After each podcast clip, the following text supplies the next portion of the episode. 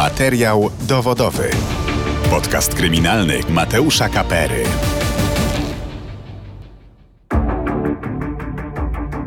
Dzień dobry, witam w kolejnym odcinku podcastu kryminalnego Radia Z, a w nim przedstawimy kontrowersyjną sprawę zabójstwa byłego starosty świdnickiego Wiesława Jaworskiego. 70-latek został skatowany w nocy z 17 na 18 czerwca 2017 roku po imprezie alkoholowej w podlubelskiej miejscowości. To nie jest historia z tych nierozwiązanych, bo zabójca 70-latka został błyskawicznie zatrzymany i prawomocnie skazany w grudniu 2020 roku.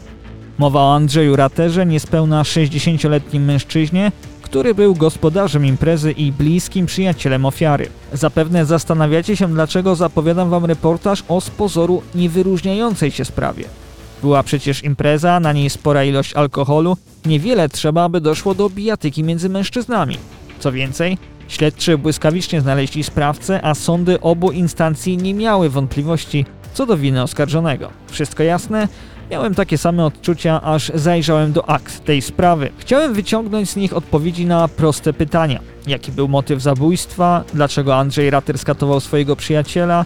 Co się dokładnie wydarzyło? Jakie było narzędzie zbrodni? I co najważniejsze, jakie niezbite dowody przesądziły o winie oskarżonego? Niestety na żadne z tych pytań nie znalazłem jasnej odpowiedzi. Mało tego, pojawiło się coraz więcej wątpliwości. Gdy okazało się, że skazany Andrzej Rater do dziś nie przyznaje się do winy i walczy w Sądzie Najwyższym o kasację wyroku, byłem już pewny, że muszę przedstawić Wam kulisy tego śledztwa w naszym podcaście kryminalnym. W reportażu, który za chwilę usłyszycie, znajduje się rozmowa nie tylko z żoną Andrzeja Ratera Barbarą, ale także z samym skazanym za to zabójstwo, który odsiaduje dziś karę pozbawienia wolności w zakładzie karnym. Udało mi się także przeprowadzić rozmowę z ekspertem od analizy śladów krwawych, Kacprem Choromańskim, bo to właśnie krew jest kluczowa w tej sprawie. Mam nadzieję, że zachęciłem Was wystarczająco do wysłuchania tej historii. Nie przedłużając, już przypomnę tylko, e, że wszystkie odcinki podcastu dostępne są na kanale Radia Z w serwisie YouTube i na player radioz.pl, a także na platformach streamingowych Spotify, Apple Podcast i Google Podcast. Oceniajcie, komentujcie i zgłaszajcie nam sprawy, o których chcielibyście usłyszeć w kolejnych odcinkach. Materiał dowodowy. Podcast kryminalny Mateusza Kapery. Doznał takiego szoku, że po prostu nie rozpoznał, nie wiedział kto leży. To był tak zmasakrowany, że ciężko było rozpoznać. Twarz tego człowieka była zmasakrowana. Tak, I okazało się, że kim jest ten mężczyzna, który uderzył. y, że to jest Wiesław Jaworski. To był najlepszy przyjaciel mojego męża. Grudzień 2020 roku Sąd Okręgowy w Lublinie. 57-letni Andrzej Rater czeka na wyrok w sprawie zabójstwa byłego starosty Świdnickiego Wiesława Jaworskiego. Oskarżony mężczyzna jeszcze niedawno wiódł spokojne życie. Prowadził sklepy zoologiczne i hodował egzotyczne zwierzęta. Na swojej posesji w podlubelskim Franciszkowie otworzył nawet mini zoo. Przychodziły tam dzieci ze szkół, z przedszkoli, no tam, także na zwiedzanie, na oglądanie właśnie zwierząt. Mówi żona Andrzeja Ratera, Barbara. Mm, Mój mąż bardzo kocha zwierzęta. No. Także jego pasją właśnie było takie mieć y, małe koniki, takie nietypowe zwierzęta powiedzmy. No. 70-letni Wiesław Jaworski był bliskim przyjacielem Andrzeja Ratera. Mężczyźni często spotykali się i służyli sobie pomocą. Wraz z rodzinami wspólnie wyjeżdżali na wakacje. Były bardzo zażyłe relacje, bardzo przyjaźniliśmy się właśnie, także jeździliśmy nawet na wspólne urlopy, jeździliśmy na, na grzyby nawet właśnie tam w okolicach działki też. Byliśmy u siebie na imieninach, na weselach naszych dzieci, także mąż znał się po prostu od wielu lat i bardzo się lubili. Także przyjaźń, przyjaźń była zażyła. 17 czerwca Andrzej Rater zaprosił swojego przyjaciela Wiesława na imprezę alkoholową z okazji narodzin wnuczki. Urodziła nam się wnuczka pierwsza, którą czekaliśmy 5 lat na wnuczkę, więc to była ogromna radość. I mąż z tej radości właśnie zaprosił y, Wiesia na tak zwany męski wypad na działkę. Z tym, że zaznaczam, że to nie był pierwszy wypad, bo oni często sobie potrafili pojechać tam na takie męskie wypady, żeby sobie posiedzieć, pogadać, wiadomo, wypić flaszkę. Więc to był taki jeden z tych wyjazdów. Pojechali na wyjazd, kupili tam zakupy po drodze jeszcze, później się do, dosiedli jeszcze y, koledzy, którzy tam byli. Jeden przyjechał samochodem, jest też ze Świdnika właśnie, także też przyjechał, zobaczył, że, że, są, że jest mój mąż, także dołączyli do tej imprezy po prostu. No i impreza męska, jak to wiadomo, rozkręciła się, żartowali, śmiali sobie, także różne żarty, wypili sporo alkoholu, z tego co wiem. Y, Następnie później no, koledzy się ją rozjechali. Jeden poszedł piechotą do domu, y, drugiego syn był to zabrał. I kolega właśnie jeden zostawił samochód przy samym wejściu, jak to się mówi, na naszą działkę przy drodze. Y, No i później posiedzieli jeszcze mój mąż y, chwilę na werandzie z razem i później mój mąż poszedł spać. Mężczyźni nocowali na działce, na której odbywało się spotkanie. Następnego dnia nad ranem Rater obudził się i dostrzegł leżące przed domkiem letniskowym ciało. Powiadomił policję, że na jego posesji leży człowiek. Okazało się, że były to zwłoki Wiesława Jaworskiego. Ja go podniosłem, oparłem w werandę. Mówi Andrzej Rater, który odbywa karę pozbawienia wolności w zakładzie karnym. Kapała mu krew z nosa, tutaj policjanci zeznawali. On nie, wie pan, on, jakby to powiedzieć, on nie miał jednego ciosu, który by go zabił. Nie miał takiego czegoś, tylko no był pobity, mocno pobity, no. Oczodoły złamane. Chwilę później Andrzej Rater został zatrzymany. Następnie prokurator oskarżył go o zabójstwo, ale mężczyzna nie przyznał się do winy. Minęło ponad trzy miesiące, zanim dopiero pan prokurator wyraził zgodę na widzenie. Czyli to już po postawieniu zarzutów. No, tak. I pamięta Pani to spotkanie?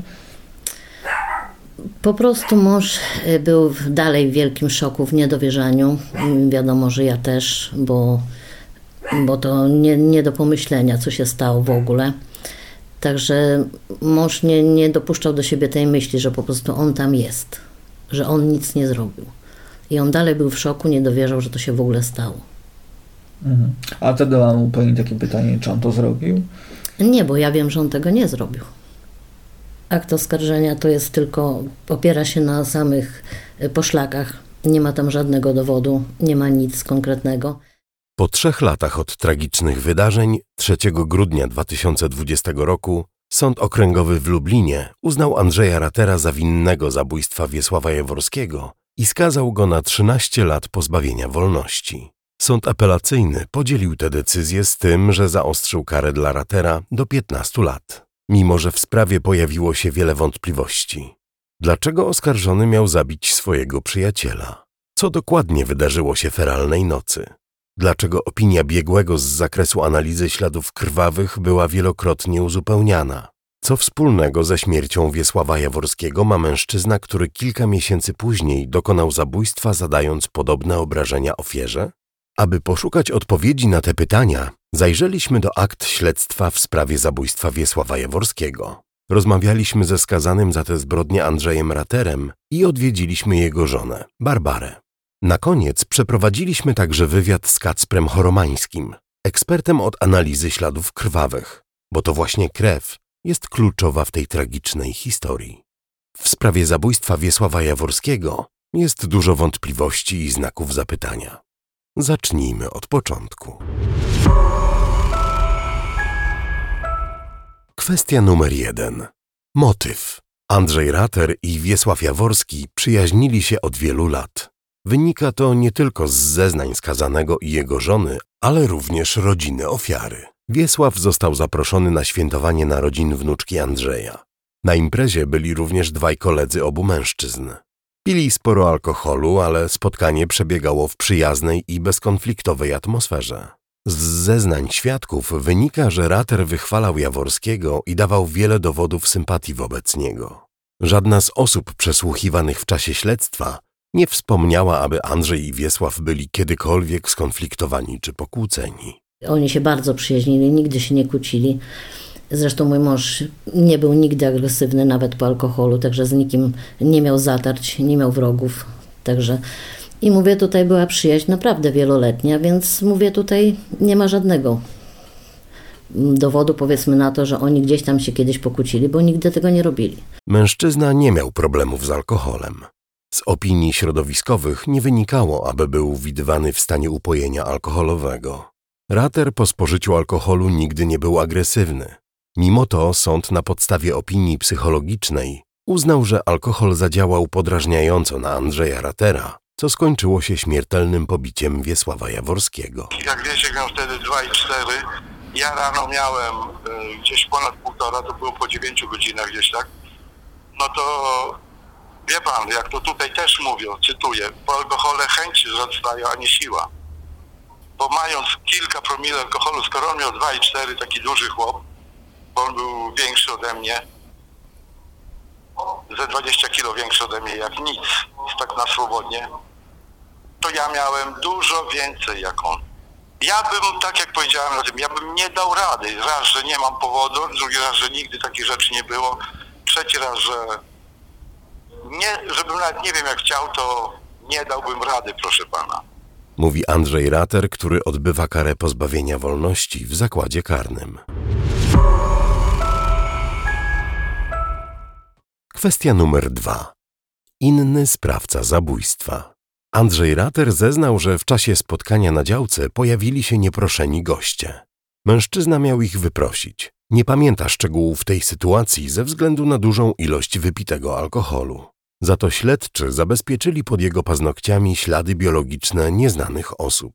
Być może należały one do nieproszonych gości. Rano stało piwo na stoliku turystycznym, gdzie nie ma miejsca.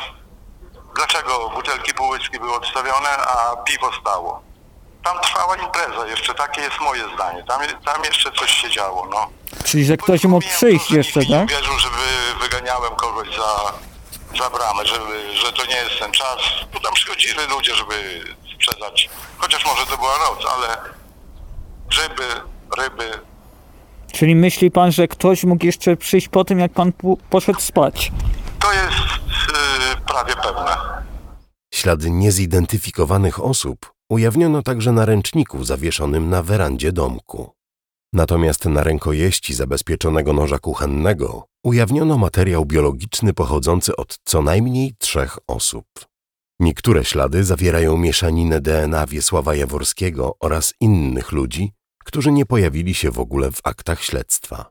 To może oznaczać, że na działce, na której feralnej nocy zginął Wiesław Jaworski, były jeszcze inne osoby, które mogły mieć związek ze śmiercią byłego starosty. Teoria ta stała się bardziej wiarygodna w obliczu wydarzeń, które miały miejsce kilka miesięcy po śmierci Wiesława Jaworskiego. W noc z 30 listopada na 1 grudnia 2017 roku doszło do brutalnego zabójstwa pracownika stacji benzynowej w kolonii Pałecznicy. To miejscowość położona niespełna 20 km od miejsca, w którym zginął Wiesław Jaworski. Był później kilka miesięcy przypadek na CPN-ie właśnie, w okolicach Lubartowa, gdzie troje ludzi podjechało sobie na CPN, wybawili y, sprzedającego i no i niestety poturbowali go kijem od baseballa. Za darmo. Ale to był napad rabunkowy, czy? Mm, To było bardzo głośne, bo to było i w, w gazecie, i w telewizji, także też go y, zabili z tego co pamiętam. No, także odsiadują też wyrok. I też była prośba o porównanie właśnie tych spraw, czy nie mają związku ze sobą. Pan prokurator odrzucił. Powiedział, że to nie ma żadnego związku ze sprawą. Mówi Barbara Rater. Napadu na stację paliw dokonały trzy młode osoby. Dawid S. zaatakował 58-letniego pracownika, uderzając go kilkukrotnie trzonkiem od siekiery. Następnie ukradł mu 140 zł i uciekł, pozostawiając go nieprzytomnego bez pomocy. Kilka dni później mężczyzna zmarł w szpitalu, a cała trójka została zatrzymana. Po roku od napadu Dawid S. usłyszał wyrok 25 lat pozbawienia wolności za brutalne zabójstwo pracownika stacji benzynowej. Przyczyną śmierci 58-letniego mężczyzny były obrażenia głowy. Ofiara napadu miała krwiaki na całej głowie oraz połamane kości czaszki.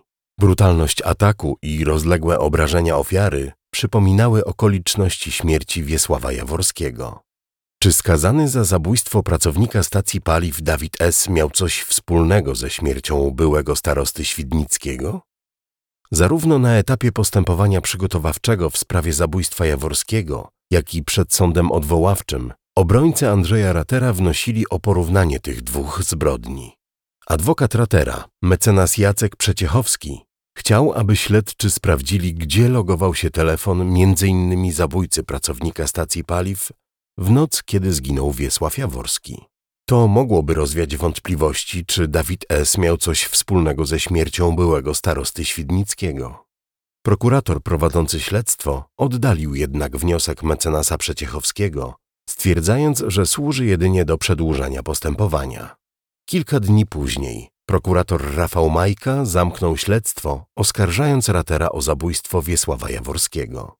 Również sąd odwoławczy nie był zainteresowany zweryfikowaniem, czy osoby, które napadły na stację benzynową, miały coś wspólnego ze śmiercią Wiesława Jaworskiego. Po prostu, żeby zamknąć szybko sprawę, bo zależało na tym, no to przecież mamy winnego na podwórku. Po co będziemy szukać gdzieś dalej, drążyć? To nam zajmie za dużo czasu, zamykamy sprawę. No proszę pana, jak może powiedzieć, że komendant policji powiedzieć, że nie mieli, nie szukali innego sprawcy, bo mieli mnie. Mówi Andrzej Rater, który odbywa karę pozbawienia wolności w zakładzie karnym. A podobno policja sprawdza najbardziej niewiarygodne rzeczy sprawdzają. Kwestia numer 3. Krew ofiary. Głównym dowodem przeciwko Andrzejowi Raterowi były ślady krwi ofiary na jego odzieży.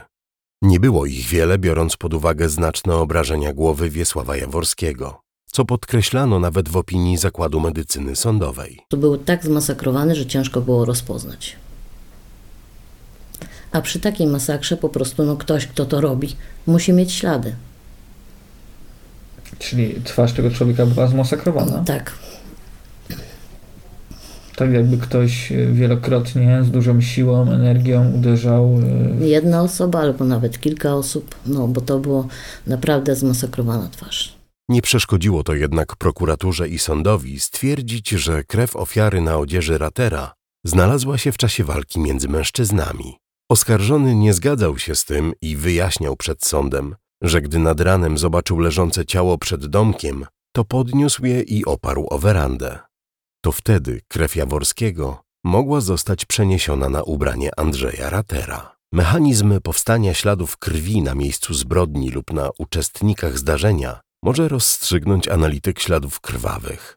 Rozmawiamy z jednym z nich. po prostu jestem taką osobą, która pomaga organom, e, czy to e, wymiaru sprawiedliwości, czy to, e, czy to organom śledczym, dojść do tego, co się stało, bazując na śladach, na plamach krwi. Mówi Kacper Choromański, ekspert z zakresu analizy śladów krwawych. Jak tłumaczy, do rzetelnego przeprowadzenia analizy potrzebne są zdjęcia śladów krwawych wykonane metodą mikroskopową. Takimi zdjęciami nie dysponowali śledczy ani biegły opiniujący w sprawie zabójstwa Wiesława Jaworskiego. Jeżeli mamy ślad i żeby odpowiednio zbadać, mm, jak on powstał, to tak naprawdę musimy sprawdzić, jak ta plama reagowała z samą powierzchnią. A jak mamy do czynienia z odzieżą, no to ta odzież jest zbudowana z włókien. To nie jest proste, to nie jest płaskie. To jest wszystko trójwymiarowe. I tak samo te włókna posiadają swoją wsiąkliwość, swoje specyficzne cechy fizykochemiczne. I jest dla mnie oczywistym to, że trzeba wykonać zdjęcia mikroskopowe, żeby się temu przyjrzeć z bliska. Jak ta krew reagowała z materiałem. Bowiem na pierwszy rzut oka, jak patrzymy coś z oddali, może to wyglądać jako rozprysk, podczas gdy jak się przyjrzymy temu z bliska, zobaczymy, że faktycznie to jest okrągłe, tylko że to jest ślad kontaktowy, bo ktoś dotknął rozprysk, który był na innej powierzchni. Tylko problem jest taki, że żeby to zobaczyć, wymagane są zdjęcia mikroskopowe. Kontrowersji wokół krwi ofiary jest jednak więcej. Sąd wykluczył na podstawie opinii biegłego, że Andrzej Rater mógł pobrudzić się krwią Wiesława Jaworskiego nad ranem, kilka godzin po zgonie mężczyzny. Według biegłego, wtedy krew Jaworskiego była już skrzepnięta.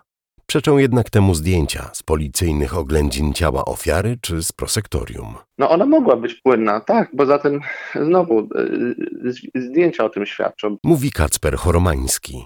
Ekspert zna szczegóły sprawy, bo jest autorem prywatnej opinii zamówionej przez obrońcę Andrzeja Ratera. Jeżeli przyjrzymy się zdjęciom, które zostały wykonane przez techników wtedy, kiedy były prowadzone zewnętrzne oględziny zwłok na miejscu ich znalezienia, no to widzimy rękawiczki, które są na początku e, po prostu czarne, natomiast potem z każdą chwilą pracy z tymi zwłokami one zaczynały się pokrywać krwią. E, doskonale widać, jak na twarzy ofiary, która na początku jest przetarta, żeby ułatwić jej identyfikację, że potem z ran zaczyna sączyć się ta krew i ciec i powstają nowe ślady. I znowu, nawet ponad półtorej chyba doby nawet potem, czy tam dwie doby, kiedy denat leży już na stole sekcyjnym. Na stole widać e, ślady skapnięć, które powstały w wyniku przemieszczania e, zwłok właśnie na ten stół. Więc twierdzenie, że krew była e, skrzepnięta w chwili śmierci jest po prostu nieporozumienie. Na ścianie łazienki w domku letniskowym Andrzeja Ratera śledczy ujawnili ślad krwi, który miał być zmywany.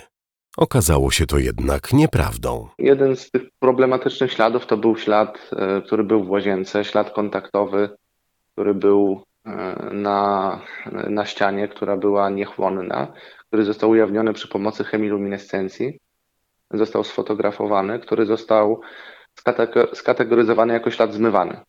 Czyli, że ktoś coś dotknął, a potem to intensywnie zmywał, podczas gdy tak naprawdę nie, nie ma podstaw do tego. Dowodem przeciwko raterowi miała być także krew ofiary ujawniona w umywalce i syfonie. Zdaniem biegłego sądowego Andrzej Rater po dokonanym zabójstwie miał umyć ręce.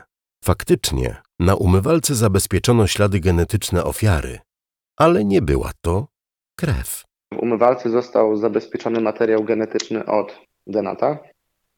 Natomiast e, no i luminol e, przy, e, przy spryskaniu tego miejsca świecił, to oznacza, że możliwym jest, żeby tam była krew, bo proszę pamiętać, że luminol nie to, że działa z krwią, tylko działa z żelazem, ale również z innymi silnymi utleniaczami, czyli domestos, chlor, wszystko to będzie świeciło, również niektóre grzyby. Więc e, łazienka tu akurat jest bardzo zwodniczym miejscem do tego, żeby wykonywać tego typu badania. E, natomiast potem, kiedy te próbki były badane w laboratorium, laboratorium wskazało, że w tym, tej próbce, przynajmniej z tego zlewu, nie ma krwi a potem w trakcie rozprawy mamy informację, że to nic nie szkodzi, że test specyficzny wskazał, że to nie jest krew, bo test luminolu wskazał, że to jest krew, no to, to jest pomieszanie z poplątaniem, tak? To nie na tym polega algorytm postępowania i chociażby próby logicznego myślenia.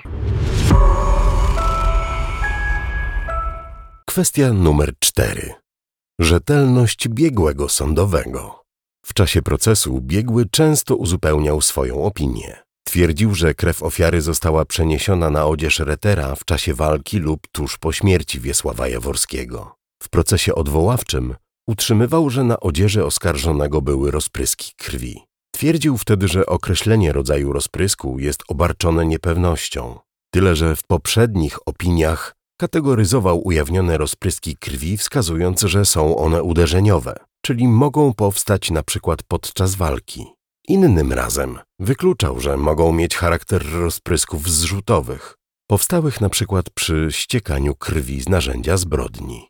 Najważniejszy jest, jak ten ślad wygląda na tych włóknach e, i jak, e, jakie są inne ślady wokół tego śladu. Inaczej będzie wyglądał rozprysk, inaczej będzie wyglądało skapnięcie, inaczej będzie wyglądał ślad kontaktowy tych śladów. One będą miały inną charakterystykę, one będą miały inne cechy. E, I to można zabezpieczyć przy pomocy zdjęć mikroskopowych e, i to nie zostało tutaj zrobione.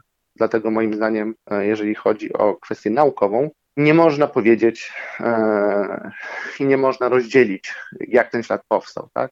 Chciałbym usłyszeć, kto w 100% jest w stanie powiedzieć, oprócz sądu, tak? jakie były konkretnie ślady na tych zdjęciach, bazując na, na, na, na tych spodniach, bazując na zdjęciach. No moim, moim zdaniem nie może się wypowiedzieć. Ale znowu, ja nie mam immunitetu i ja o niczym nie wyrokuję. Mówi Kacper Choromański, ekspert z zakresu analizy śladów krwawych. Brak konsekwencji biegłego zauważalny był również przy ocenie wielkości plam krwi na spodniach Andrzeja Ratera. To ważne, bo nawet milimetrowe różnice w ich rozmiarze mogą wyjaśnić, czy krew została przeniesiona w wyniku walki między napastnikiem a ofiarą. Według obrońców Ratera opinie biegłego były niejasne, sprzeczne i błędne. Dlatego składając apelację wnioskowali o dopuszczenie dowodu z opinii innego biegłego z zakresu analizy śladów krwi. Sąd odwoławczy nie przychylił się jednak do tego wniosku. Ocenił, że w sprawie nie zachodzą podstawy do powołania innego biegłego, gdyż dotychczas sporządzone opinie nie były ze sobą sprzeczne, a wszelkie wątpliwości zostały wyjaśnione. Sąd uznał, że opinia nie była kategoryczna, ale mimo to zasługiwała na uwzględnienie bez konieczności powoływania innego biegłego z zakresu analizy śladów krwawych. Andrzej Rater przegrał w obu instancjach. Sąd odwoławczy zaostrzył mu karę z 13 do 15 lat pozbawienia wolności za zabójstwo Wiesława Jaworskiego. Rodzina Raterów nie poddaje się. Za pośrednictwem pełnomocników złożyła kasację od wyroku. 10 maja 2023 roku nad sprawą pochyli się Sąd Najwyższy. Co jeśli się to nie powiedzie, to, to rozprawa? Będziemy walczyć dalej. Nie odpuścimy. Ja myślę, że po prostu sąd się przyjrzy do tego dokładnie, że zapozna się z tym wszystkim, zobaczy, jakie tam są niejasności, jakie nieprawidłowości i no, rozpatrzy to naprawdę dobrze. A jeśli w najgorszym wypadku nie, no to zostaje nam Strasburg. Także walczymy do końca. Mówi Barbara Rater, żona skazanego za zabójstwo Wiesława Jaworskiego.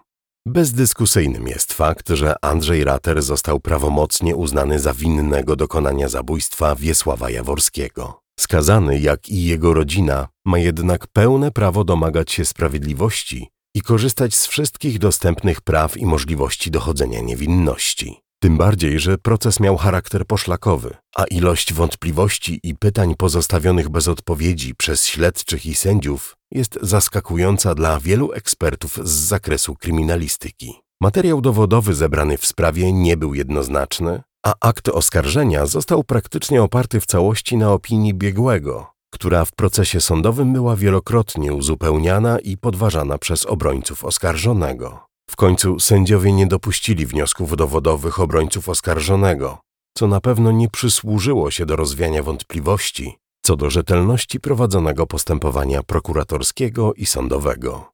Mecenas Michał Kałużny, pełnomocnik Andrzeja Ratera, adresowany do Sądu Najwyższego pismo kasacyjne zakończył słowami wybitnego starożytnego filozofa Arystotelesa. Każdy z nas wolałby raczej uwolnić winnego, niż skazać niewinnego. Wolelibyśmy bowiem uznać każdego raczej za niewinnego, nawet jeśli stawiane zarzuty były prawdziwe, niż skazać go, gdyby prawdziwe nie były. W razie wątpliwości trzeba wybrać to, co naraża na mniejszy błąd. Materiał dowodowy. Podcast kryminalny Mateusza Kapery.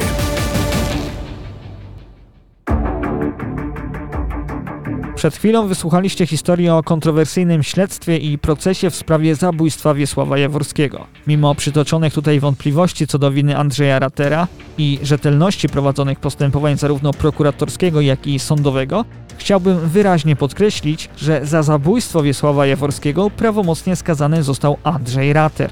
Jeżeli nawet w tej sprawie popełniono szereg błędów, to nie oznacza to, że wersja wydarzeń przedstawiona przez oskarżyciela publicznego, która została potwierdzona przez sądy obu instancji, jest nieprawdziwa.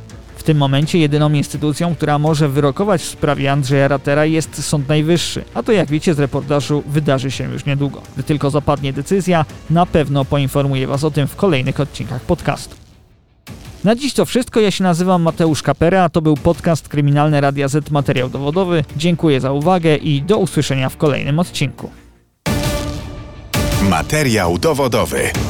Wszystkie odcinki naszego podcastu kryminalnego znajdziesz na player radioz.pl i na najważniejszych platformach streamingowych.